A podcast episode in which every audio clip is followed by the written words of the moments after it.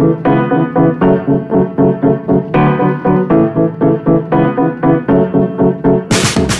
god dag, god dag, god dag, god dag, og velkommen til Uka kurert med han eh, Peder-gutten og han Vega-gutten. Uka kurert er en podkast som kuraterer eller kurerer uka for deg, hva nå enn det betyr. Det er vi veldig usikre på. Uansett så kan jeg si at um, det blir en eh, litt spesiell episode i dag. Eh, det har vært en konflikt i, redaksjonen i Uka kurert, eh, og Vegard har krevd å jobbe med mer faglig kompetente folk. Så da blir jeg egentlig alene i den podkasten her, og Vegard har gått over som programleder i NRK i en ny stilling, hvor han skal ha programlederansvar for sjakk, ski og en ny satsing på e-sporten Europa Universales. Eller stemmer det, Vegard? Det stemmer, vet du. Jeg har fått en milliardavtale med NRK. Oi, milliardavtale, ja. Ja, du vet, Skattepengene sitter løst. Ja, det gjør det. Og nå skal jo de flytte opp på Ensjø også.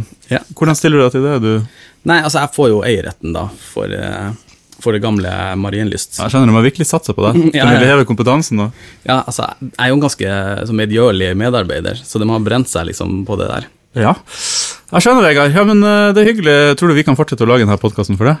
Ja, jeg tenker vi, du hvis du matcher eh, Vi har jo ganske mange nye sponsorer, så det Ja. skal nok ligge litt penger her. Da går alle penger rett til deg, da. Mm. Kompetansen er viktig her i Uka Kurert, eh, og derfor har vi med oss, ja, tro det eller ei, en gjest i dag. Apropos kompetanse. Ja. Eh, en gjest som heter Jørn. Kan du si hallo? Hei, hei, hei, hei. God dag, god dag. Ja, Jørn eh, er vi så heldige å ha med oss fra eh, Avisa Oslo. Eller han er jo vår venn Jørn, en som lytter på podkasten, som eh, er en del av vennegjengen, som er journalist i Avisa Oslo. Og som har veldig mye godt å komme med. Så vi hadde lyst til å ta han med en stund, så vi kunne ha et lite intervju med han. Ja, det blir veldig hyggelig. Ja, og, Long time lurker, first time poster, ikke det? ja, ja, ja. Så det er veldig veldig hyggelig å ha han her inne. Og jeg vet jo at mange som lytter på denne podkasten nå, har veldig vanskelig for å tro at vi faktisk har en gjest. For vi mangler, både, eller for vi mangler både teknisk, faglig og sosial kompetanse. Ja. Så derfor er det mange som sannsynligvis tror nå at det er Vegard som sitter der og snakker med litt annen stemme. Så derfor må Jørn og Vegard nå si hei samtidig. Hallo, en Hei, hei, hei. Samtidig oppå hverandre, så man skjønner. Ok, ja. Hallo. eh, Hallo, hallo. Ja, ja, Så det er faktisk en ordentlig gjest i studio. Jørn, velkommen skal du være. Jeg er heller ikke like god i Europa Charlie som Vegard. Men du er god i noe annet. Eh, ja, Warhammer 4000. en av mine mange nerdete laster, ja. 40 000. 40 000, ja. ja. Det er. Rett skal være rett. Yes. Um, så det blir jo faktisk en litt spesiell episode i dag. Uh, vi skal ha et uh, veldig fint intervju med Jørn, som skal handle litt om journalistikk og hvordan det er å starte en avis i Oslo og litt sånne ting. Men uh, før vi går i gang med det, så skal vi også kuratere en sak. Fordi det er en ting vi snakker om eh, når vi skal gjøre denne episoden, er at vi liker jo egentlig, når man hører på podkast, at det er det samme om igjen og om igjen, episode etter episode og episode. Og det leverer vi. Ja, det leverer vi, har vi levert i 30 episoder. Så eh, med en gang man bryter for mye opp i det, så blir det sånn åh, jeg hadde bare lyst til å høre en helt vanlig episode.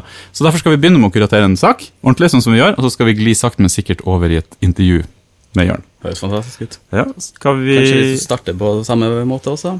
Ja. Er, det ikke, er det ikke ukas sponsor først? Det er starten. Du, vi pleier jo også å snakke om hva vi har gjort siden sist. Å, det har jeg også helt glemt. Ja, Og eh, da må jeg nesten spørre deg om hjelp, Vegard, for jeg kan ikke huske. Nei, jeg hadde jo bursdag, vet du. Ja, 17. mai har vært. Ja, Og Vegard hadde bursdag på 17. mai. Det ble en veldig hyggelig bursdagsfeiring. endelig 28. Ja, Gratulerer med dagen. Mm, tusen takk. Og Jørn kom faktisk innom bursdagsfeiringa en tur òg. Ja, det var jo for å feire både, både Norges grunnlov og, og Vegard. Det var vel omtrent da vi ble enige 50-50. Ja, jeg vil mer si sånn 75-25. Ja. Jeg skal ikke gå og grave litt i hva som er 75 og hva som er 25 her, men eh, Det var også da vi kom på den veldig gode ideen at jeg skulle være gjest i podkasten. Ja, vi har faktisk snakket om det lenge, vi har bare ikke hatt den med i samtalen. Ja, det er sant. vi har, vi har ikke lyst til å dra den ned, ned i gjørma her, vet du. Mm.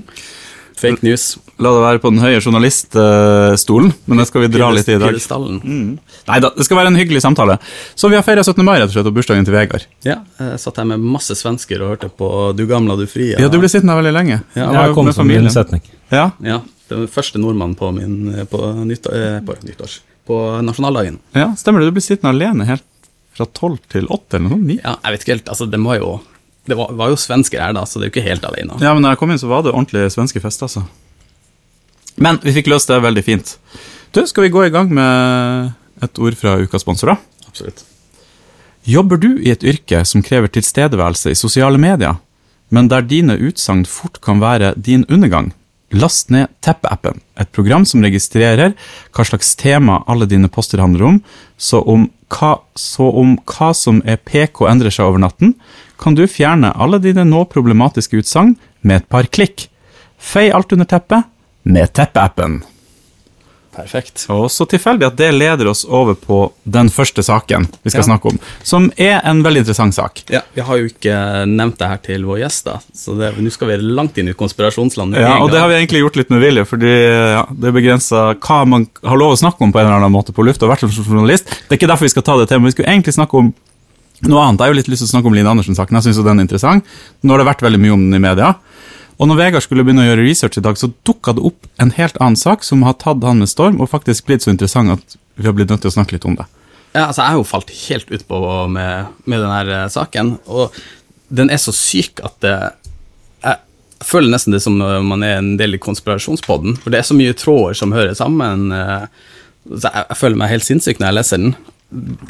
Ja, og jeg må si at Vi har vært usikre på om vi skal ta det opp fordi det er så langt inn i konspirasjonsland, på en måte, men så er det så mye sannhet i det at ok, la oss snakke om det og se hva som skjer. Ja. Så du kan begynne med å kuratere der, tror jeg. Ja, det her handler jo da om eh, den såkalte lab leak-hypotesen, som er, handler om hva, hvor, hvor korona kommer fra. For det var, det var jo veldig tidlig ute med liksom at ja, det her er naturlig, det kommer fra det våtmarkedet i Wuhan, er et sånn virus som har gått fra flaggermus over til, eh, til mennesker. Og liksom alle, alle fagfolk har sagt det med en gang. Og det, det var liksom ulovlig på Twitter å, å, å si noe, du ble utestengt, og og ble, I og med at Trump var veldig tidlig ute med, med det her at det var eller kinesisk eh, influensa og bla, bla, bla, så ble det litt sånn Ja, det ble rasistisk også, at det var at, Og liksom komme med en hypotese om at det var, kom fra et laboratorium, da. Eh, men så viser det seg jo nå at et, etter et år så har liksom litt noen mer anerkjente medier begynt å ta tak i det, at det er jo mye syke ting som foregår eh, har foregått bak scenen her. Eh, og det er ting som tyder på altså, Man har ingen faste beviser for eller imot, men det er liksom mange indiser begge, begge veier. Ok, og det, det som har løfta det litt ut, er jo Nå begynner det å høres litt ut som du jobber i dokument uh, her. Absolutt. Um, men det som har løfta det ut, var en sak som du leste i dag, som var på Hva het den siden igjen? Eh, New York Magazine. Ja, var, det som, det var ikke en sånn fakt, faktasjekkeside. Ja, uh, Politifact. Politifact, som sjekker fakta som politikere sier hele tiden. Jeg vet ikke om du har hørt om det, Jørn? Jo, jeg kjenner til det. Jeg bare gjorde en observasjon på jeg oppgitt faktisk, eh, på Twitter, da. Ja. Eh, Jeg tror det om det var eh, Ja, det var vel Politifact som er den her fact-checkingstjenesten, som tidligere har på en måte fact-sjekka denne påstanden om at, eh, om at koronaviruset skal være fra et laboratorium i Wuhan, eller fra Kina. Og de har nå på en måte trukket tilbake den fact-checken, eh, i den forstand at de har sagt at Eller de har i hvert fall gått tilbake på den og sagt at det her er ikke Vi kan ikke debunke det her for sikkert. ja, det er akkurat det som har skjedd. Så Det det, er, det er jo bare en observasjon også, men eh, Ja. jeg registrerte det faktisk selv. For det var den Vegard hadde funnet ut av og begynt å snakke om, og det er jo en veldig sånn seriøs nettside, som plutselig har gått tilbake på Ja, Ja, jeg tror det er sånn underbruk av Politico eller noe der i gata, altså. Ja. Litt usikker, men ja. Politico hadde jo også da en sak om eh, som er en ganske kjent, anerkjent eh, politisk nettside. Så hadde også en sak da der de tok, gikk liksom grundigere gjennom bevisene for og imot. Og det er en ganske mye eh, in, altså, tenk, ting som kan tyde på det. Jeg kan jo gå litt kjapt gjennom det. Ja, gjerne ta lista. Eh, og altså det, det hovedpoenget er jo da at eh, eh, den her laben i Wuhan, som liksom alle de konspirasjonsteoretikerne har snakka lenge om, de har jo jobba med akkurat eh, koronavirus eh, og en spesiell type forskning på, på sykdommer som heter gain of function, som er da at du, du ved å brute force, altså du, eh, du prøver å starte en evolusjon. Eh, du vet sånn som når, det, når man skal få melk i kyr, så, så, så liksom forplanter man de beste melkekyrene med hverandre, og så og gjennom generasjoner så får de mer og mer melk. Og det her prøver de da å gjøre med virus, bare i mye kortere tidsperspektiv, og i og med at det er virus, så går det mye fortere. Og det man gjør det her i Wuhan? Er det? Ja. ok, så man har litt laboratorier i Wuhan, faktisk, hvor Ja. de gjør det her. Ok, Og de, de har jobba med koronavirus. Eh, og, og grunnen til at man har jobba med det her, er jo da at siden Antrax-angrepet i 2001, etter eh, 9-11, Kan du bare minne meg på det var at man sendte rundt konvolutter med konvolutter antrax? med Antrax Hvem var det som gjorde det, egentlig? Det viste seg jo at det var en, en forsker i militæret som forska på virus, som jobba med akkurat denne type eh, gain of function-forskning. Så nå begynner det her med liksom konspirasjon, alt hører sammen. Ja, fordi, men nå begynner alt for meg å høres veldig ut Ja. som en konspirasjon av meg, og du drar inn 9-11 her. Og så begynte jeg liksom å undersøke ble, Han Fauci, han ble, navnet hans kommer veldig mye opp, for han var lederen for hele det her programmet som starta opp etter 2001, om at man skulle For å beskytte seg mot antrax og sånt i framtida, så skulle, måtte man, prøvde man å utvikle farlige virus. Okay. Det var det man skole etter 2001, at man skal utvikle farlige virus, og så kan man komme på med, med vaksine mot dem. Jørn begynner å angre på at han ble med på det. Ja, for det, det, det er så sykt at Fauci er liksom involvert ganske høyt i Hvem er Fauci? Jeg har aldri hørt om han her. Ok, det er han som er leder. Du kan jo si Jørn. Han er en slags ledende smittevernlege, da. Smittevern... I USA? Administrator, byråkrat i USA, Og han Faucini, Fauci, ja. han, han som har vært på pressekonferanser? Nei. Ja, ja, ja. ja. Og han fyren som har sittet ved siden av Trump og måtte Ja, USA sin Nakstad. ja ok, han ja. Ok, Da skjønner jeg godt uh, hvem det er. Så han har siden 2001 vært litt involvert? nå, nå skal det jo nevnes at uh, hele personen Fauci er jo forbundet med helt usannsynlig mye konspirasjonsteorier. Ja. ok, På generelt grunnlag. Ja. På generelt grunnlag, ja. Det er jo ikke noe sånn videre grunn til å tro noe særlig på noen av dem. Det er gøy, du har god innsikt i det her, du òg, egentlig. Eller på generelt grunnlag. Det Altså, jeg hadde en sånn sosiale medieopprensking, og det eneste SoMe-appen jeg har på telefonen min, er Twitter. Så du får på en måte Når jeg kjeder meg, så blir det veldig mye Twitter. Ja. Da snapper man opp ganske mye. Ja, Et litt sånn, et litt sånn utdødd eh, sosialt medie, vil jeg kanskje Ja, si. jeg var der mye under Trump, fordi det var der han skrev. Jeg synes det var gøy å lese de rare Det gjør han ikke noe mer. Nei, men jeg har også lagt bare Det her er sånn typisk eh, Twitter-sak, vil jeg tro. Akkurat sånne her nyheter er går rundt der ofte. Absolutt, det er der jeg plukka det opp. For det Ja. er jo også min favoritt-nyhets... altså eh, sosiale medier. Det eneste okay. jeg bruker. Men kan vi ta han ut av det? Hvis mange konspirasjonsteorier er rundt han uansett, så blir det litt sånn, kanskje litt mye å skulle dra han inn i det her, eller? Absolutt, det her er jo en kjempelang episode for seg sjøl, så jeg, jeg, jeg, tror, jeg tror ikke det er grunn til å gå sånn veldig langt inn i det. Men man, jeg kan jo bare liksom si veldig kort om eh, altså Grunnen til at man, man tror det, da, er jo det her med at eh, eh, den laben har holdt på med det her. Men den har ikke noe med USA å gjøre, den laben her. Den er vel kinesisk? Den er kinesisk, men den er støtta opp uh, av- med et uh, forskningspenger fra et uh, program som Fauci drev, som var støtta av Bill og Melinda G. Vet du hva? Ah, ok. Det, det, det, Ok, da nei, nei, men det er helt eh, Det var siste episoden av eh, Da la vi ned podkasten der, tror jeg. Og Nå skjønner du hvorfor jeg har liksom holdt på å klikke helt i dag. Ja. For det, med en gang du begynner å researche det, via Politico, via New York Magazine Du eh, forsvinner fort ned i et slags rabbit hole. Ja, for alle de her eh, trådene som er alle de verste konspirasjonsteoretikerne snakker om, hø hø hører sammen i denne saken. Men altså, sånn, nå, jeg skal ikke ta stilling til hvorvidt det her stemmer eller Nei, skal, for det har jeg ingen forutsetninger for, for, for, å- for å uttale meg om. Men, eh, men det kan jo altså, det kan jo hypotetisk sett være at, at noe der stemmer. At, at det, det har vært et slags eh, prosjekt i et laboratorium som, der de har forska på virus, og det her har på en måte kommet ut i det frie på et vis. Det, det er jo ikke helt bak mål urealistisk. Nå er det jo ingenting som tyder på at det er sånn, men selv om det skulle være sånn, så trenger jo ikke det på en måte involvere Fauci, Bill Gates, eh, liksom George Soros og, Hele og så videre. Ja, han var, jeg tror han var den eneste som ikke var nevnt i de sakene. Ok, det, that's a first. Ja. Kanskje han som har skrevet det? Ja, men altså, det her er jo liksom ganske anerkjent. New York Magazine er jo veldig kjent, anerkjent. eh, Men, men hva er det eksempel New York Magazine sier? S drar dem inn Belinda og Bill Gates Foundation? liksom? Jeg husker ikke for alt. det Ja, okay. kommer litt men, men det vi vet, da, er at det i hvert fall virker som at det er ikke usannsynlig at i Wuhan Det vet vi. Det finnes et laboratorium i Wuhan som eh, forsker på virus, og som produserer virus, sannsynligvis. Eh, ja, eh, Ja. forsterker dem også. Forsterker dem også. Og det man tror kanskje kan ha skjedd da, er at det har sluppet ut, et virus har sluppet ut. Ja, bare helt sånn ved at menneskelig feil. Ja, en menneskelig feil. Eh, og det har kommet inn i naturen, eh, ettersom jeg skjønte, og inn i en flaggermus. Er det der det har begynt? Nei, bare rett inn i folkemengden. Ok, så det har aldri gått via de dyrene som man har sagt. Man sier at det er en flaggermus det Ja. kommer fra, noe sånt. Uh, og da, hvis vi for å liksom komme den på den, eh, den politiske korrekte sida, er jo da Grunnene man har mot det her, er at man har aldri opplevd Det er en sånn ting som aldri har skjedd før. Altså det, det er jo et ganske godt argument at vi har aldri opplevd at ting lekker fra et, fra et laboratorium og har starta en pandemi. Det, det, det har aldri skjedd. Eh, Det skjer veldig ofte at ting går liksom fra dyr til mennesker, så det er en liksom helt vanlig greie. Det er vel den mest sannsynlige forklaringa, ja. Ja, bare rent historisk sett med SARS og MERS og Ja, for alle de har kommet derfra, Ja. for det her minner jo veldig om det ja, viruset. fugle, fugleinfluensa, uh, svineinfluensa, alle, alle de her. sånn. Så det, det er jo liksom bare rent sånn bondevettet vil jo tilsi at det, det, det her er bare, bare masse tilfeldigheter.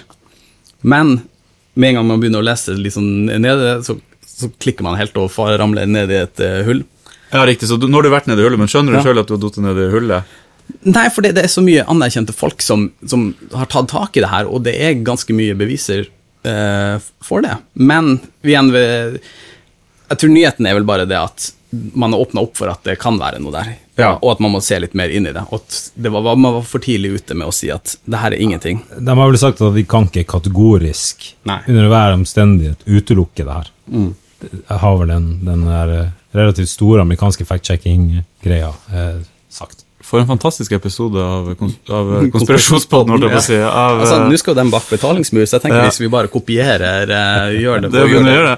Akkurat av, av vår podkast, Uken kurert, hvor vi faktisk har med to stykk som har litt greie på temaer. Ja, Det nå var jeg prøvd- fantastisk. nå har jeg prøvd å gjøre mitt for å bevise at jeg ikke har greie på ting, men uh... Det er ganske kaldt i rommet, men Jørn sitter og svetter og svetter og svetter og begynner å bli redd for å miste jobben, eh, tror jeg, hvis han snakker noe mer om det her. Så Så vi tror bare å bevege oss De diskré videre, skal du Ja. det? Altså, Jeg syns det var et veldig interessant uh, tema, egentlig. Jeg merker jeg sliter med å, å skjønne hva som er sant og ikke sant. Jeg skjønner at det er laboratoriet, sannsynligvis har viruset sluppet ut, men er det noe mer som ligger bak det, siden du skal dra inn Bill Gates i det her òg? Nei, det er jo bare det at det er, har vært en skole uh, Altså om uh, Fra gamle dager, eh, fra 2001, som er liksom at man prøver å gjøre eh, mest mulig skadelige eller smittsomme virus for å da prøve å finne noe, en Ja, vaksine, riktig, ja. vaksine mot det. Og det er ikke noe man har uttalt, eller er det en Det, det, uttalt har vært uttalt ganske, Ja, okay. ganske lenge.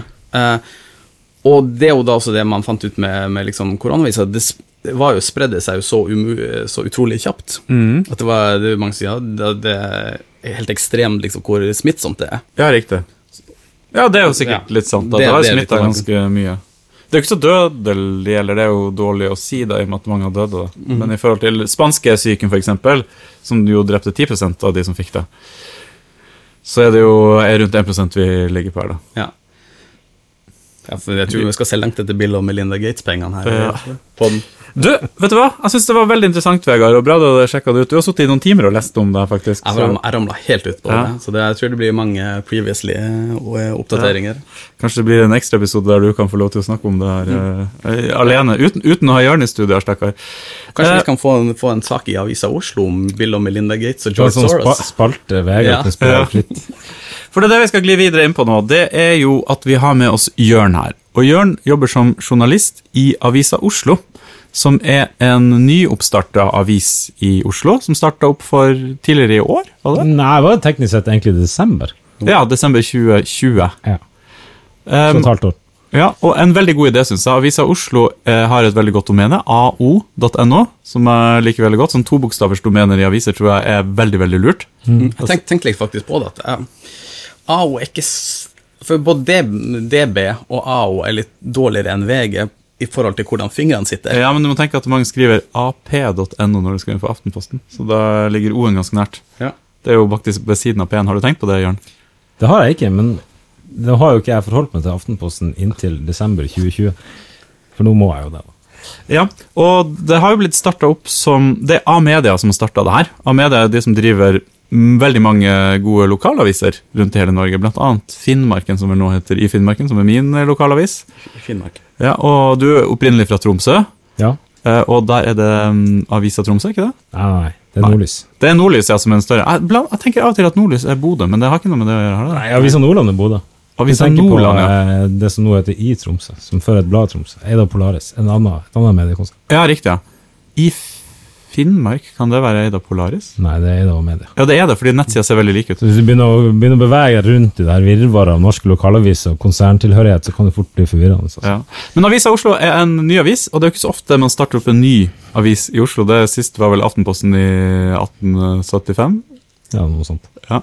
Vårt, vårt Oslo er også ganske nytt, eh, men det er jo da så vidt en avis. Det finnes også en del sånne bydelsaviser. Da, som, ja, det er jo det Sagene Blad, blant annet. Min Mm, eh, lokalavis. Eh, Som er med varierende kvalitet, i hvert fall på nettsidene. er Ofte veldig gammeldagse. Uansett, Avisa Oslo eh, ble starta opp til dels som en konkurrent for, til Aftenposten. så er det sånn, fordi Aftenposten skrev egentlig mindre og mindre om Oslo, og mer og mer om Norge. på en måte. Det har du egentlig gjort i mange år. Jeg føler at Aftenposten har egentlig lyst til å være en nasjonal VG-avis. Men så ligger de i Oslo, så føler de må være litt lokal. Men de har, de har brutt sitt løfte om å være lokal-Vegard. Så da er det plass til en ny avis, og det syns jeg er en kjempebra avis. Avisa Oslo, som skriver om saker som er Der det skjer, når det skjer. Og lokalt, liksom. Så eh, stor kudos til Jørn og gjengen. Det er ikke min idé, altså. Jeg jobber jo bare der. Ja, Men du, du flytta ned fra Tromsø i ens ærend egentlig for å begynne å jobbe der? Ja, jeg tenkte det var en eh, jævla kul mulighet. Så det var litt for dumt å takke nei når det dukka opp. da. Ja, Det skjønner jeg godt. Og du har jobba som journalist i Tromsø i Siden 2007. Ja, og du er utdanna his, en historiker? Ja, jeg har en bachelorgrad i historie, så holdt på med masse grader, så jeg droppa ut. Ja, ja, men det er veldig bra. Jeg syns journalistyrket virker veldig veldig spennende. Eller hva sier du, Vegard? Ja, vi er jo på mange måter journalister. Er vi sånn som drømmer om å være journalister? Så sitter vi bare her og lager podkast Snakker Bill og Melinda Gates. og gleder å researche ting for episodene. Um, uh, ja, så du er kriminaljournalist også, faktisk, på toppen av det hele. Ja, Og du har fulgt litt krimsaker faktisk i avisa Oslo som er interessant. Blant annet, det er jo mye skyting rundt der jeg bor, eh, på Sagene. Og da har du vært eh, Dere har vært veldig kjapt der oppe med å, å dekke de sakene og holde litt tak i det. Jeg har til og med fått et bilde på trykk der jeg har vært og tatt bilder nede av politisperringer. det stemmer, det. Så det var tider, så nå er jeg fotojournalist eh, nærmest. Men eh, jeg har et spørsmål som kommer, nå har vi snakka nok bare eh, om det. Og det er hvordan går det egentlig i Avisa Oslo? Jeg tror det går veldig bra, altså. Jeg har inntrykk av at det går veldig bra. Jeg er jo bare en menig soldat på gulvet. Ja, Det er ikke jeg som sitter og tenker de store tankene, de store linjene. men er det liksom kake annenhver uke fordi nå har vi dobla antall lesere, eller er det Nei, jeg tror jeg skal, jeg, jeg tror ikke jeg skal gå så veldig mye inn på lesertall og sånt, men eh, eh, det går bra. Det er jo noen tusen som abonnerer. Ja, det er det. ja. Det er noen titalls tusen som leser. Det er jo dritbra. Så det er jo en start. Ja, og det er en sånn ting som vokser veldig fort, har jeg inntrykk av. Når du først får de første 1000 abonnentene, så får du veldig lett flere, tror jeg. Fordi folk leser det, folk bryr seg mer, folk har lyst på det. Ja, altså det vokser jo, men man må også på en måte ta inn over seg en slags sånn erkjennelse av det her er jo ikke gjort over natta. Mm. Altså, Man skal på en måte inn i et, et marked som har dominert av eh, aktører som har eksistert i til dels over 100 år. Mm. Eh, det er på en måte en, en viss en lydmur å bryte, bryte gjennom der. da. Ja. Så eh, jeg tror det er viktig at av media som eier oss, og det, det inntrykket har jeg for så vidt, at de, blir veldig sånn, sånn konsernkorrekte svar her, men, men det her mener jeg faktisk. Jeg, jeg har et, en oppfatning om at de har det perspektivet at det her kan nødvendigvis ta litt tid. da. Mm. Men eh, sånn som jeg tolker det, så, eh, så har vi en god start, altså. Ja. Og jeg er helt enig med her må man jo ha tiårsperspektiv, i hvert fall for å se hvordan det skal gå hvis du skal starte en avis. Jeg kan ikke skjønne noe annet. Ja, og også som du sier, altså det, det har vært veldig proft fra dag én. Mm. Og det, man merker jo det liksom Å, det her saken er utrolig interessant, den har jeg lyst til å dele med folk, for det er noe som skjer i, i, i lokalmiljøet, i motsetning til alt annet eh, Ja. Og så har de henta flinke journalister fra som, da Tromsø, andre av mediedeler, og så har de jo hele den backenden, altså datadelen til Amedia. Jeg har inntrykk av at nettsida Alt var klart, liksom. Du trengte ikke å finne opp nettsida på nytt. Ja, det er jo på en måte en av Det er mange pros og cons med å være i så svært konsern som er med det. En, en åpenbar pro er jo at infrastrukturen er jo der. Vi trenger jo ikke å måte, finne den opp. Så, eh, og det er jo Det har bare vært da, det, Altså, vi kom på jobb i et sånn halvtomt lokale der det sto noen PC-er rundt omkring. Hvor dere Så det var egentlig har måte- lokale, hvis jeg får lov å spørre? Ja, i Torgata i sentrum. Oi, oi, oi. oi, Ja, veldig standsmessige greier. Ja. Det var en sånn SoMe-bedrift så vidt jeg har skjønt, som, eh, som opprinnelig skulle ha dem. Eh, Så ble det ikke noe av. Muligens pga. pandemien, litt sånn uklart for meg. Så det var på en måte bare å flytte rett inn, da. Ja, nice. Så det er ganske, ja, ganske nice. Jævla god kantine og, oh, ja. takterrasse. Det er såpass, ja. Er, har du egen kontorplass, eller er det du kommer inn og setter Nei, sånn I moderne mediebedrifter holder ikke på med sånn Ja, Så du bare kommer inn, finner deg et sted, og så setter du deg ned med laptopen og jobber? Ja, sånn kanskje en Kanskje man skulle Det har en drøm om en egen kontorplass, men ja, det blir litt sånn storlekende. Mm, du, Ja. eh, Sånn som vi i Uka Kurert har hver vår eh, Faste plass? Faste plass. ja, nå har vi ikke den, for nå er Jørn i sofaen her også. Ja, Begynner du må dele mikrofonen. Ja. Um, så du sier du har en takterrasse? Den har du aldri invitert oss opp på? Nei, den, eh, det, det har jo ikke vært sånn rom for å invitere så mye folk noe sted. Men eh, kanskje. Vi gleder oss eh, i hvert fall. Du, eh, vi har forberedt masse spørsmål, faktisk. Skal vi bare fyre løs? Gjør det. Hvordan er forskjellen mellom å jobbe i Tromsø og i Oslo? Hva er den største forskjellen, vil du si? det er, på den ene sida er det veldig mye som er likt, da. Eh, på den andre sida er det jo eh, en eh, åpenbart veldig mye større by. Så det feltet jeg hovedsakelig jobber med, som er sånn krimstoff, da, er jo Det skjer jo selvfølgelig mye mer her. Mm. Det er mye mer å ta av. Du var jo litt inne på det. Det har jo på en måte skjedd ganske mye i den, den, den relativt korte tida jeg har vært der. Det, det meste er rundt der Peder bor. Ja. Ja, Det har jo sånn tendens til å forfølge deg. Ja, det har det. Jeg bodde på Grønland før, da var det ganske ille. Og nå har det begynt å bli ganske ille på Sagen nå, eller ja. Så det er spennende. Det spennende. Ja, så det, det, det er på en måte Sakstilfanget er noe helt annet, da. Mm. Og det er jo, eh, det er jo spennende. Hvordan vurderer du en sak Hører du på politiradioen, liksom? Nei, det fins ikke mer. Det finnes ikke, det en, har, Husker du en tid når man satt og hørte Ja, på det, Ja, jeg husker en tid da man satt og hørte på det. Jeg vet ikke om det er sånn man sier, men ja. Nå, nå er det jo lov. Selvfølgelig, alle redaksjoner hadde jo en politiradio. Ja. Men eh, det sambandet er jo lukka nå. ja, riktig. Så det gikk fra der du kunne høre på det, med liksom en, en mottaker, Mm. til å bli mm, på et sånt nivå der du må begynne å hacke deg inn på sambandet. Ja, det, det er liksom ett steg videre, da. Ja, jeg skjønner. Så jeg, tror ikke det er så mange redaksjoner som gjør det, altså. Men hvordan, hvordan gjør dere nå, da? Er det jodel, eller?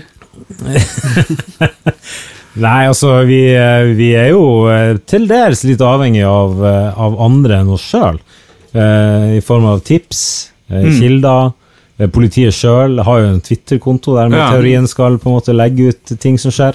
Det gjør de jo med litt sånn varierende eh, hell. Altså, det av og til er de veldig trege, av og til publiserer de ingenting i det hele tatt. Ja. Og ofte er de veldig kjappe, så det er, det, det er på en måte flere kanaler, da. Ja, jeg mener jo det er nesten et mønster i hva de skriver og hva de ikke skriver, men det skal jeg ikke gå inn på her. du Men, Det høres veldig ut som de som kommenterer på eh, politiet sin Twitter. Ja. Det, det er et gjennomgående tema eh, akkurat der. Og det jeg sa der nå? Nei, eh, Nei, det med det Ja, da må jeg melde meg ut, altså. ja.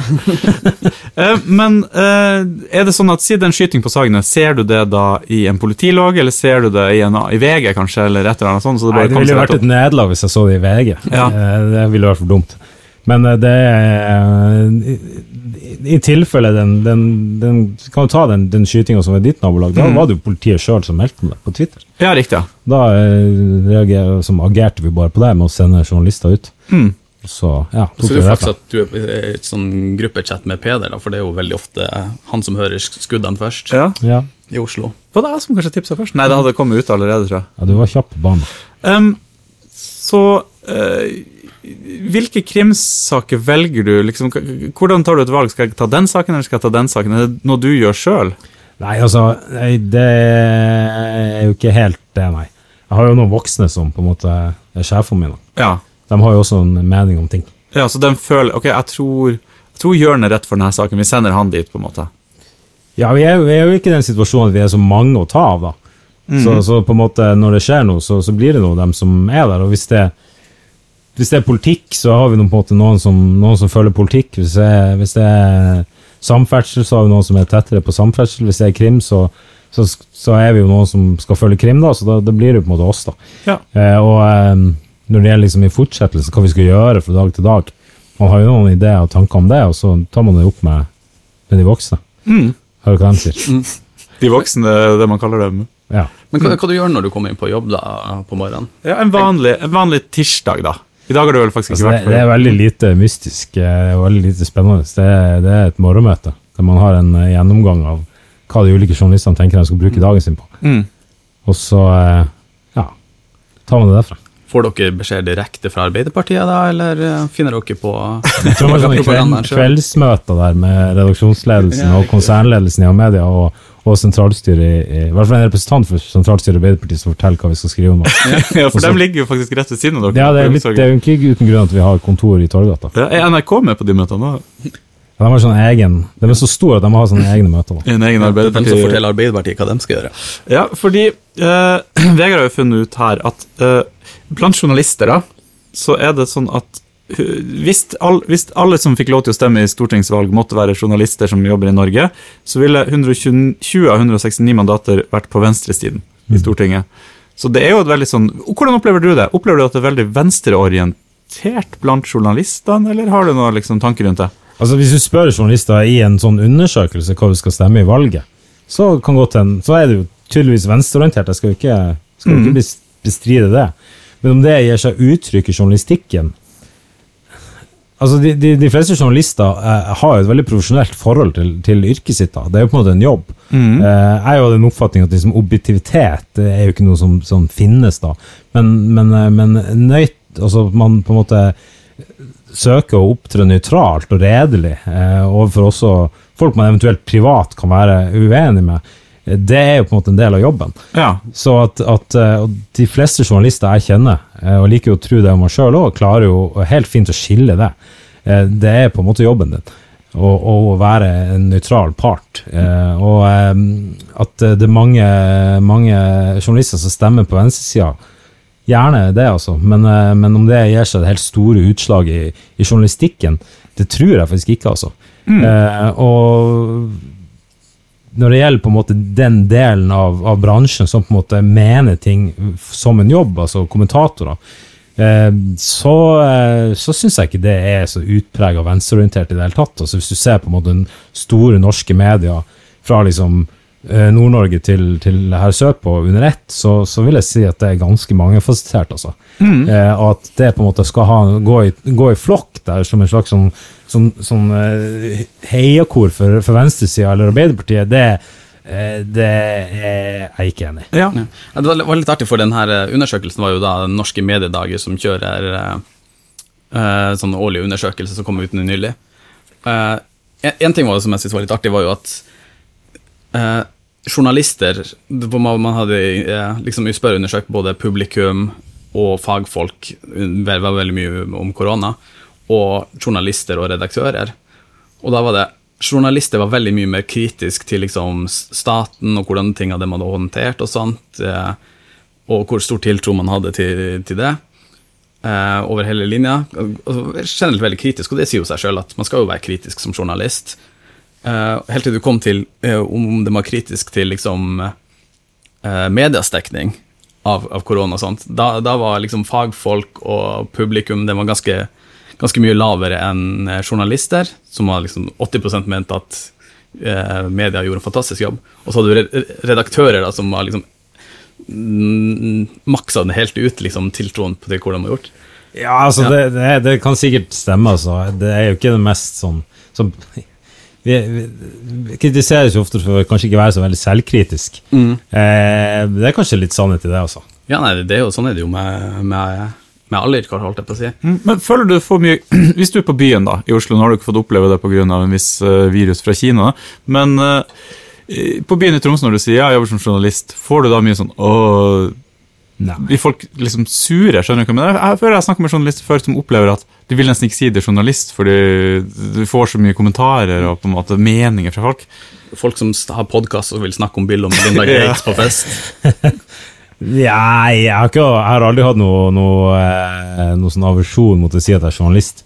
Men ja, nei, det hender jo at du havner i noen sånn jævlig kjedelige, langdryge diskusjoner om noe veldig Men- uinteressant. Venstrevridd politikk ja, og sånn. ja, ja, eller at du må, på en måte må, må stå til inntekt for ethvert bidige ord som er skrevet av, eh, i den avisa du jobber i. Da, Mm. Gjerne saker du ikke har noe med å gjøre sjøl, eller egentlig ikke vet hva det handler om. Mm. Så ja, det kan jo være litt plagsomt, men det tror jeg er uansett hva du jobber som. Du, hva er den mest interessante saken du har dekt i Oslo siden du starta da i desember? Det er et vanskelig spørsmål. Du må sikkert tenke deg litt om, men Ja, nei, altså det, jo, det har jo vært noen, noen ganske eh, omtalte drapssaker, da. Mm. Eh, som jo selvfølgelig har vært eh, interessant å følge. Eh, så det må kanskje være, være, være dem, da. Ja. Den, tenker du da på kanskje den uh, Så det var det drapet på, på Frogner. Ja, det var det jeg tenkte på, ja. Så du har fulgt den saken? Ja. Det er jo en ganske trist og tung sak på en eller annen måte. Påvirker det deg? Nei, altså Ja, selvfølgelig. Det er jo en, det er jo en, det er jo en tragisk sak. Mm. Brutal sak. Så i, å si at det ikke påvirker seg, vil, vil være rart. Ja, og det det har man jo på en måte en, en jobb å gjøre, Mm. som man eh, først og fremst er opptatt av. Så jeg tror på en måte det, det hjelper jo, da. Så eh, har jeg jo jobba med det her en stund, da. Mm. Så det, det er på en måte ikke Det går greit. Ja. ja, ja. Et, bare en ting jeg, så Nå merker du hvordan det skjer bak scenen, at jeg hopper gjerne tilbake til, til forrige ting vi holdt på med. Eh, en ting til jeg leste på den spørreundersøkelsen, som, jeg, som går litt tilbake til det der med du nevner liksom med lederne, at de er ikke nødvendigvis altså, led, De som skriver ledere i avisene, er jo gjerne ikke de mest venstrevridde veldig ofte. Og i den spørreundersøkelsen var også redaktørene ikke så veldig eh, Det var veldig mye venstre og høyre. Så det, jeg tenker det er bare et tidsspørsmål når, når du begynner å få penger, at det, da, eh, da, da joiner du den borgerlige siden. Legger du til grunn at jeg er en sånn venstreradikaler? Mm, når Ja. journalistene begynner å få skikkelig masse betalt fordi Ja. det her abonnementsløsninger. abonnementsløsningene de ja, Høyre. Høyre har jo noen gode Høyre har jo noen gode poenger, da. Privatisere staten. Ja. Legg ned NRK. Ja. Du, det er jo en ting vi er veldig misunnelige på deg med.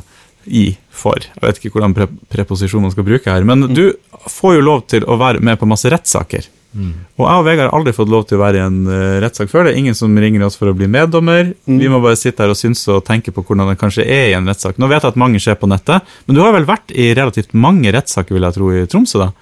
Jeg har vært i ganske mange rettssaker, ja. Ja. Hvordan er det? Hvordan er en vanlig dag i retten? Jeg kan først bare opplyse at det er ikke sånn at du ikke har lov å være i retten. Du kan troppe opp der. Kanskje ikke akkurat nå, da, for da, da, da tror jeg ikke du slipper inn. Eller, jeg er ganske sikker på at du ikke slipper inn. Men eh, sånn under normale omstendigheter så er det jo åpent for alle. Du bare møter opp, og så kan du sette deg inn i salen og så kan I du sitte og følge ja. med. Mm. Så hvis man har lyst til å følge med på Line Andersen-saken, f.eks., så For eksempel. Men det kan, Kunne kan man ikke ha bli for gjort mye. Så vi kunne vært på Line Andersen-saken av Vegard? Altså Hvis ikke det var for pandemien? da. Ja. Ok, det er veldig interessant. Vet du hva, Er det, tror, er det lov å live- live- live-podkaste? Kan ikke se for meg at jeg ikke skulle det. Eller det blir kanskje litt sånn praktisk utfordring med livepodkaste. Du, du, du, Har ikke lov å gjøre opptak øh, og kringkaste det uten videre. mm. Men da kan jeg si det som er eh, veldig stor sikkerhet når pandemien er over, så kommer vi til å sannsynligvis dra på en ordentlig rettssak på noe vi er interessert i, og mm. lage en episode om hvordan det er å være i rettssak. Ja, det syns dere skal gjøre. Mm. Men hvordan er en vanlig dag i retten? Begynner det klokka ni, da? Ja, det begynner klokka ni. Mm. Altså, det, det er jo Det her er jo en, en, en um, Kan være ganske kjedelig i retten, vil jeg jo si. Ja, for jeg, synes- det kan ikke jeg skjønne. Jeg syns det virker så spennende. på en måte. Ja. Så Han har sett veldig mye filmer fra rettssaker. Ja, det- det, det går veldig fort. Objection. Er Høyt tempo. Ja, klipp, veldig godt klippa. Ja, nei, det, det kan jo være eh, høyt tempo og action, men som regel er det jo ikke det. Jeg prøvde å følge litt med på den her eh, Åh, hva det var Hun, hun som brente, skulle brenne sin egen bil, og hun Lara Ja. eh, Bertheussen? Ja, ja, ja. Og prøvde å, for den ble jo vist også på livestreama på Ja, VG. delvis, ja. Ja, det var ganske kjedelig, altså, å prøve å skal følge med på det der. Ja. Det man fikk se der, var vel type prosedyre, da. Som er jo den her slutt, eh, avsluttende innlegget fra partene, der de på en måte summerer opp saken, eh, og så går inn på For den Rettssaken er jo lagt opp sånn, sant. Du, du, du, det her starter jo med at eh, noen, La oss ta en straffesak, da, sånn som Bertheussen-saken var. da. Nå har ikke jeg dekket den. og har ikke noe sånn Tenk at du gikk glipp av tiårets største krimsaga. Ja, det var rett før dere begynte det. Nei, vi, vi var vi var jo starta, da, men uh, vi kommer til en konklusjon på å komme inn der liksom på bakbeina var, var ikke helt det, det vi burde bruke ressursene på, så vi, vi gjorde ikke det. Men uh, Det var ikke akkurat underdekt sak heller. det var det ikke. Uh, så min, min kjennskap til den saken er egentlig bare det jeg har lest. Eh, I tillegg til jeg har jo lest dommen og tiltalen og sånt. Men, eh, men eh, altså, det som skjer i en sånn type straffesak, er jo at du, du har en aktor som, som holder, starter med å holde et innledningsforedrag. Og aktor, det er staten sin advokat. Det er sånn? staten sin advokat. Det er på en måte dem som har bevisbyrden i en straffesak. Det er dem som skal bevise at noen som er anklaget for noe, har gjort det. Ja. Det er jo ikke motsatt. Det er jo liksom grunnleggende prinsipp. Eh, og før det kommer til en rettssak, så skal det her også gå gjennom en slags sånn påtalekvern, da, der det på en måte Hvis det er eh, en påtalemyndighet som, som er politi, statsadvokat, riksadvokat, mener at de her bevisene holder ikke for å dømme noen i en rettssak, så skal de heller ikke gå til retten. Mm. Så du skal komme et lite stykke før at det skal komme Ja, du, du går ikke til retten på en hunch, liksom. Mm. I, I teorien. Um, I, Norge, I Norge. ja, det, det hender jo at det, det har jo skjedd, selvfølgelig, men eh, i utgangspunktet skal man ikke gjøre det. da. Og eh, du, skal på en måte ikke tape en sak. Det, det, jo ikke, det, det er jo ikke et spørsmål om prestisje, men det er, jo- det igjen en sånn rettssikkerhetssak. da. Mm. Eh, selvfølgelig også hvis du, er, hvis du er aktor, det er jo kjedelig å tape en sak, vil jeg tro. Men, eh, men så de, de starter med å redegjøre for, eh, for eh, kort for, for saken sin bakgrunn og hvilke beviser de vil føre. Og så er det jo, er det jo eh, bevisførsel. Det er den som gjerne tar tid. Riktig, så det er da det kan ta 100 dager med bevis? Ja, det kan jo være liksom, eh, 100 personvitner som skal inn i retten der og forklare seg. Det kan jo være eh, hundrevis av opptak eh, og telefonavlytting. eh, Det kan jo være masse bilder som skal vises, Ja, dokumenter som skal dokumenteres. det her tingene tar veldig lang tid.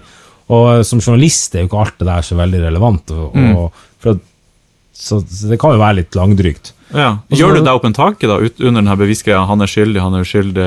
Yes, Selvfølgelig tenker man i de Ja. tankene. Du prøver å unngå å skrive det da? Nei, man kan ikke skrive det. Altså, jeg personlig gjør meg selvfølgelig opp de tankene, men man må jo prøve å Igjen, det jeg snakka om i stad, man skal på en måte opptre nøytralt. da. Mm. Eh, og det er jo Det er jo Det er jo på en måte Det er lett å hoppe på den vogna og på en måte bare meske seg liksom bevisene som blir lagt fram. Eh, male opp et bilde. Altså, du har noen sånne gamle, klassiske eksempler. Orderud-saken, Ja. for eksempel. Eh, der det, ja. Hva mener. Er jo fikk jo en del kritikk. at ja, alle Eh, medier bare kaster seg på yes, og så kjører vi på med denne saken jeg- så langt vi kommer. Det her var jo før min tid, men, men jeg har registrert kritikken. Mm. Uh, og den, om den var rett, det, det, det vet jeg ikke, men den var kanskje inne på noe. Men, eh, men eh, også når, det, når den bevisførselen er ferdig, så er det jo da eh, prosedyre, da. Som jo på en måte er De maler hele bildet da, av hva, hva de ulike partene mener er saken her, og hvordan den eh, hvordan jussen eh, skal brukes da, på den saken. Og så går det jo til, opp til dommerne å avgjøre det. Ja. For, for du sånn som når jeg, prøver å høre to personer i en debatt, eller noe sånt, at jeg blir veldig overbevist over den ene, og så kommer den andre med synes vi, motpoeng. Ja, de hadde jo masse gode argumenter, dem, og så at man liksom mm. hopper frem og tilbake hvem man tror på. Ja, jeg prøver i hvert fall det.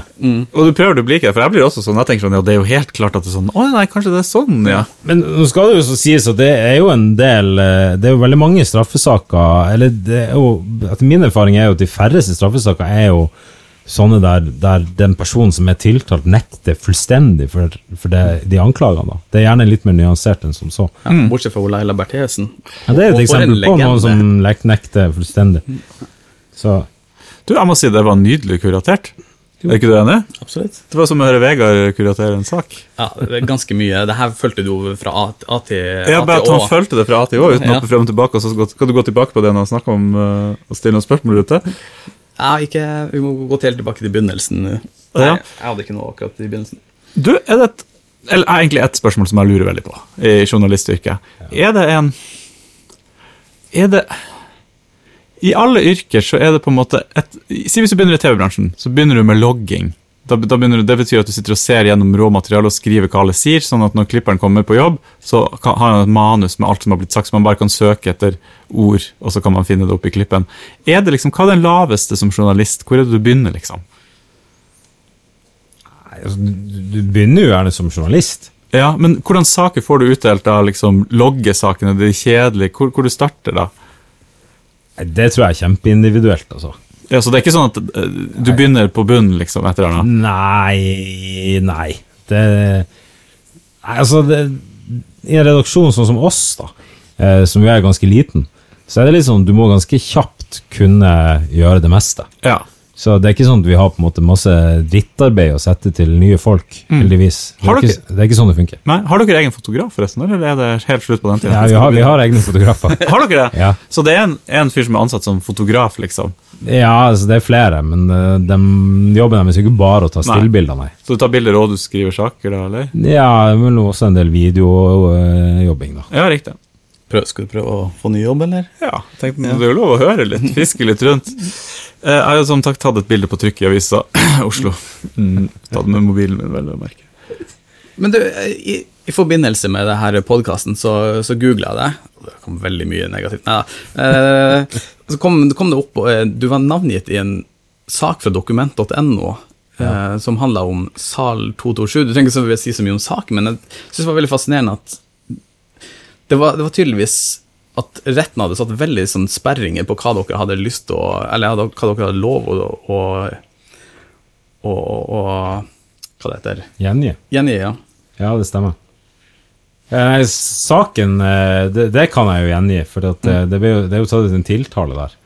Det er jo fem unge gutter som er tiltalt for en voldtekt av en ung jente, i fellesskap. Mm. Eh, husker jeg ikke i farta når det var, men, men de var ganske unge nå, og de var ganske unge da. Det ligger jo en stund tilbake i tid. Og det var jo en rettssak mot de her unge guttene, og der eh, deres forsvarere eh, krevde å lukke døren. Og det, det er jo noe man må kreve. Altså, en, en rettssak i Norge er jo åpen i utgangspunktet. Mm. Dette er jo en sedelighetssak til unge folk, så at, at den, eh, den, den begjæringa som det heter om å lukke døren, kommer, er jo ikke uventa. Det, det er jo veldig vanlig, de her sedelighetssakene. Det er litt sånn så ikke Uka kurert skal ja. komme og kunne følge den saken. Ja. Em, men eh, det gjøres jo gjerne et unntak for journalister. da. For vi er jo på en måte bundet av en del eh, etiske regelverk og, og redaktørplakaten og Vær varsom-plakaten, som, som, som gjør at det er begrensa hva vi kan skrive uansett. Og de legger jo gjerne type begrensninger på at ja, kanskje dere ikke kan gjengi eh, opplysninger som er identifiserende, eller helseopplysninger eller intime detaljer og sånne type ting. Det, det er jo ikke uvanlig. Det, det som var litt uvanlig i denne saken, var jo at vi ikke fikk lov å gjengi noe som helst.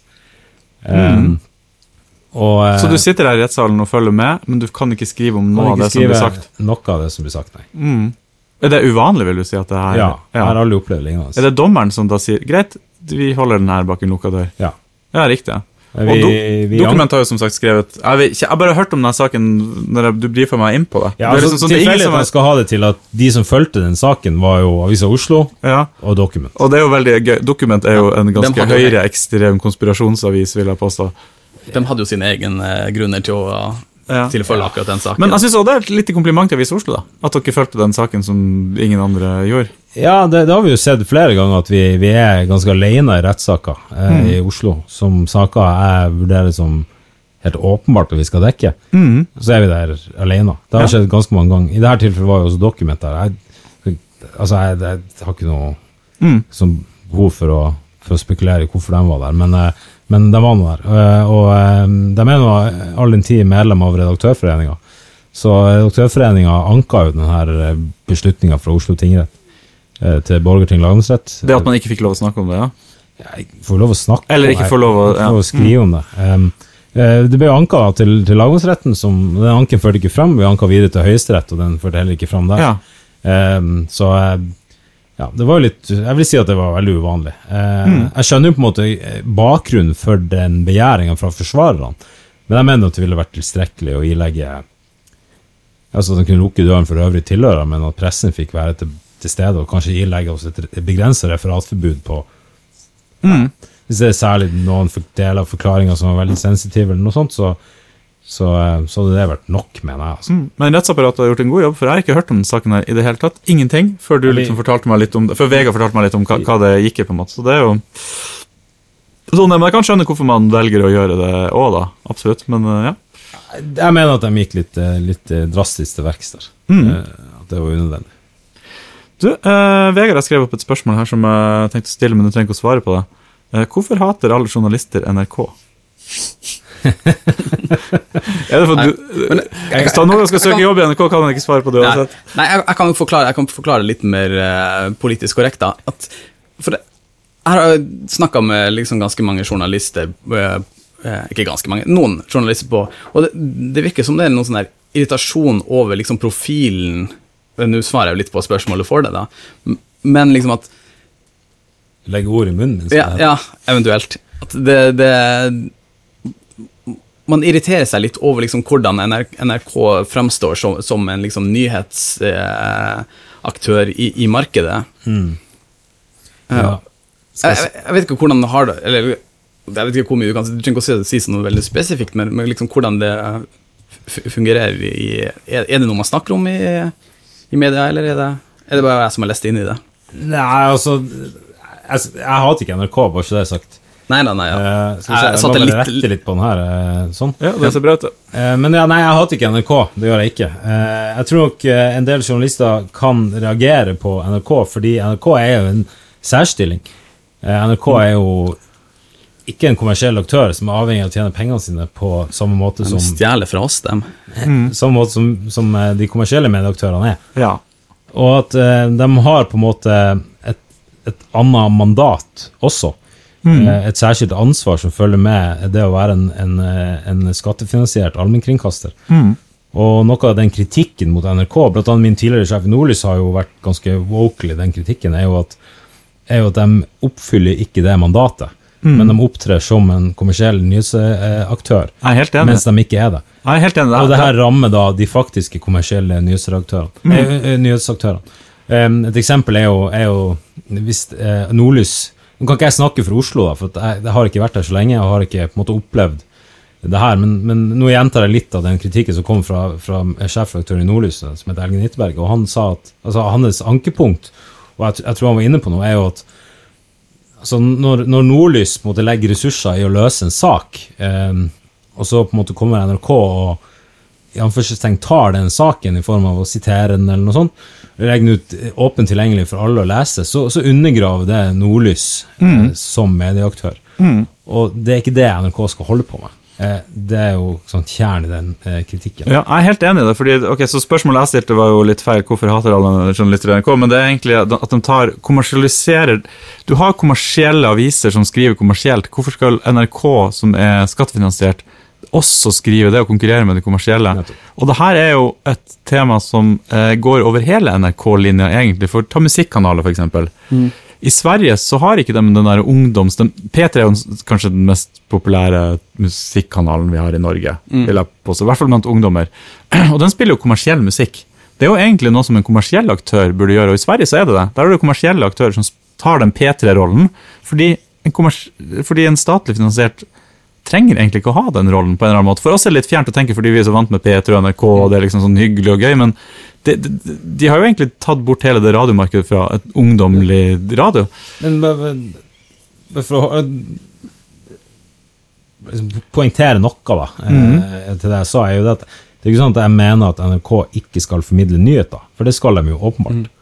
Men skal de på en måte formidle nyheter på en sånn måte som går de kommersielle aktørene i næringa, i så stor grad som de kan gjøre Jeg sier ikke at de gjør det, og jeg vet ikke helt hvordan det er i Oslo, um, men uh, noe av den kritikken mot NRK har gått på det, iallfall. Mm, jeg syns NRK er en veldig bra nyhetskilde. Ja, det gjør jeg også. Jeg er veldig glad i Dagsrevyen. Ja, ja, men jeg synes det, er, det har vært noe som har skurra for meg med nrk.no lenge. Jo, de har til og med clickbait-saker, liksom. Og, ja. Men det jo, de har jo et problem også med at de får jo penger, så de må jo lage ting som folk faktisk bryr seg om. jo litt Ja, de er jo underlagt et slags new public management-regime, Ja. vil jeg tro, der de på en måte målstyres dem òg, så at de insentivene for å på en måte eh, lage journalistikk som, som folk vil lese, er jo absolutt til stede der òg.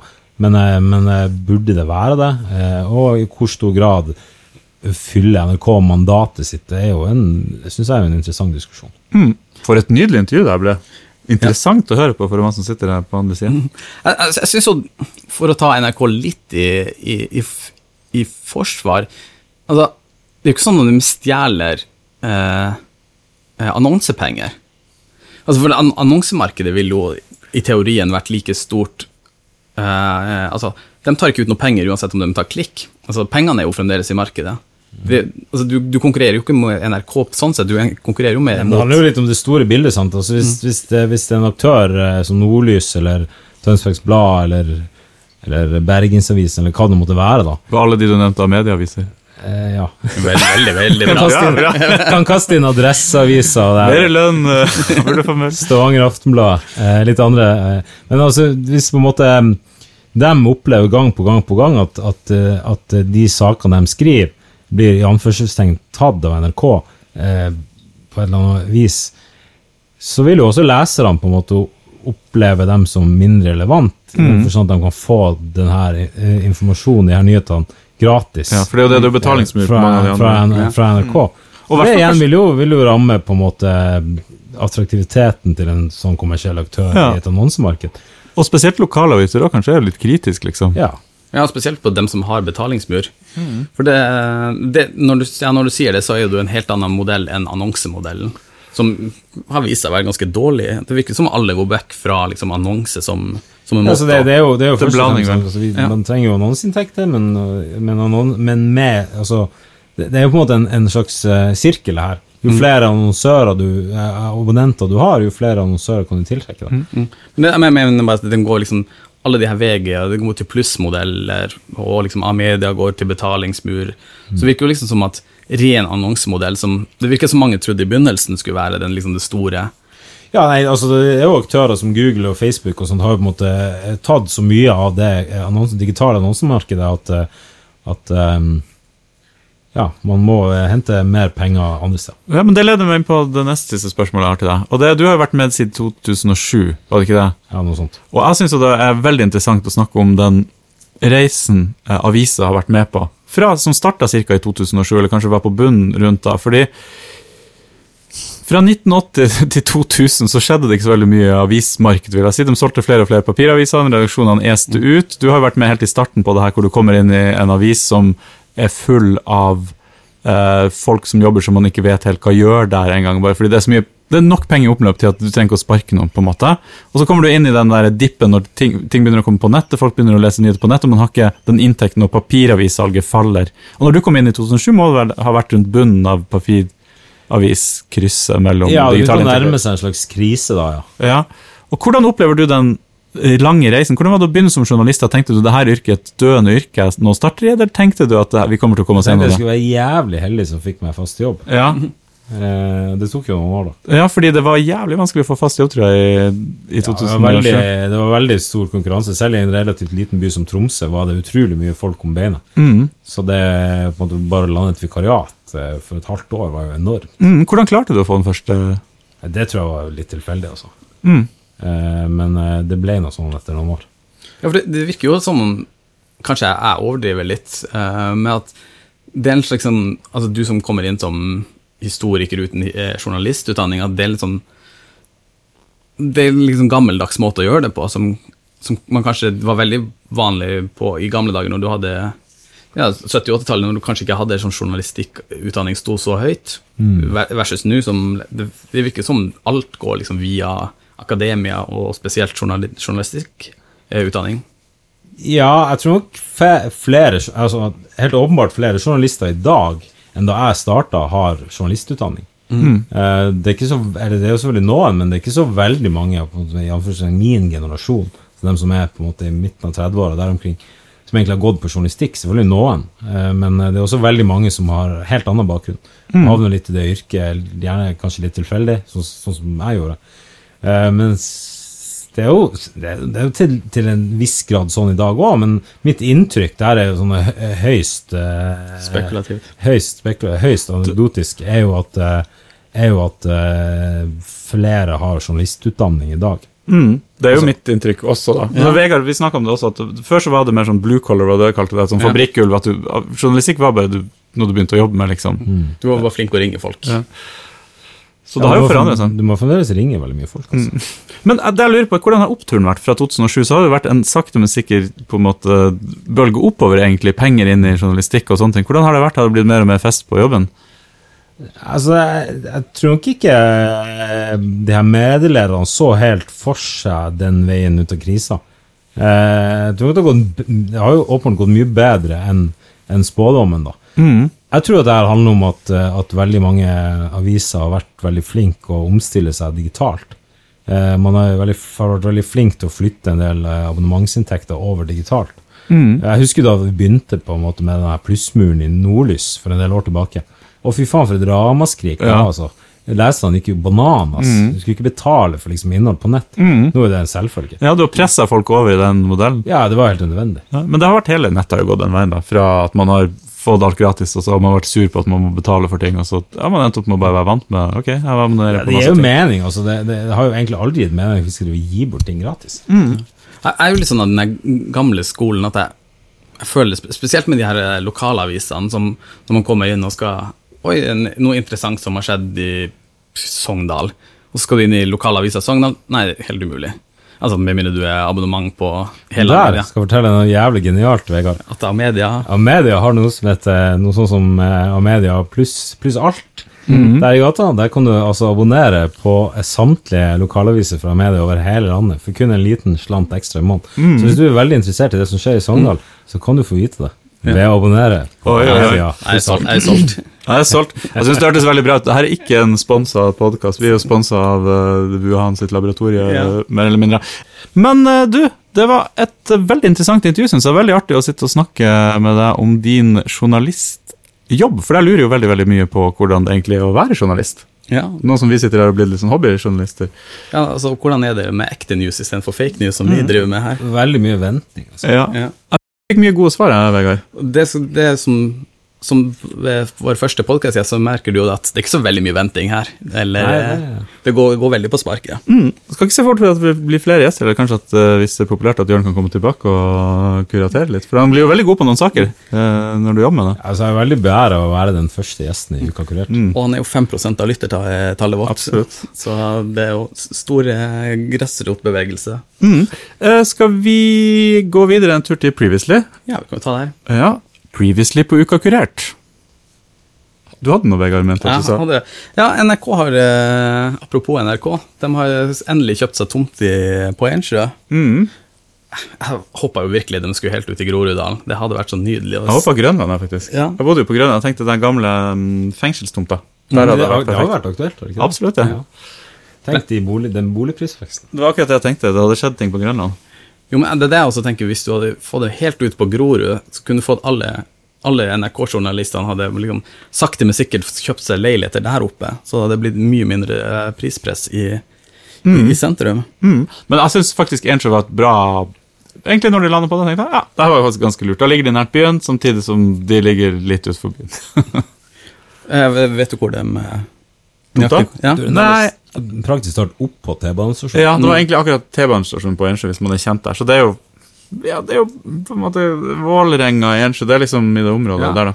Det er jo liksom rett under brua når du kommer opp mellom de parkene, Kampen og Tøyenparken. Ja, egentlig. Så rett under uh, underkjørselen der, så, så tror jeg det er der. Rundt der, ja. Ja. Mm. Det, det ligger jo ganske midt i smørøyet, da, så jeg tror, tror de Det blir ikke noe mindre sentralt enn Marienlyst. Kanskje Nei, mer på en kanskje måte, mer, ja. faktisk. Og lettere å komme seg rundt på grønn måte med T-bane i byen. Vet du hva, jeg leste en eller annen kommentar et eller annet sted som sa at de håper at virkelig at de kjører den grønne linja helt ut, gir dem seks parkeringsplasser og 2000 sykkelplasser, og så, så ser du liksom eh, Game of Thrones der på NRK-bygget. Tenk det er noen heavy bakker opp for å komme seg til Ensjø fra hele byen, Ja. egentlig. Så lykke til, folkens. Og alle de journalistene som bor ute på, på Bygdøy og som skal drive og sykle til jobb hele vinterhalvåret. Det hadde vært nydelig. Åh, jeg gleder meg. Du hadde noe mer også? Absolutt. Eh, sorry. Eh, de minkene vi tok opp eh, Ja. i, Danmark når korona slo ut, så var det masse minker som ble, som ble gravd ned fordi de hadde fått smitt, blitt smitta med korona. hyggelig måte å si avlyd på. først, da. Ja. Før de ble gravd ned. Det håper jeg virkelig. Ja, Du Vegard bare prøvde å si at de ble det på en hyggelig måte, litt sånn Ja. likvidert. de, de døde av naturlige årsaker, og så ble de eh, gravd ned for at de ikke skulle være smittsomme. Mm. Uh, Nå viste det seg da, av en eller annen merkelig grunn, av å drepe fem millioner mink og grave dem ned, gir litt dårlig lukt, altså.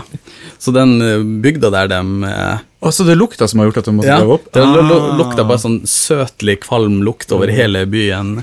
Så den bestemte seg for å, å grave opp eh, fem millioner mink, og skal da brenne alle sammen. Det er så morbid på så mange måter, det der. Mm. De har ligget i bakken i seks måneder, kan du tro det? Den, og det er drittjobb, altså. Det, det kan du tenke på når du må stå tidlig opp for å ja, komme deg på For en nydelig avslutning på episoden, Vegard. Hvis ikke du har enda mer?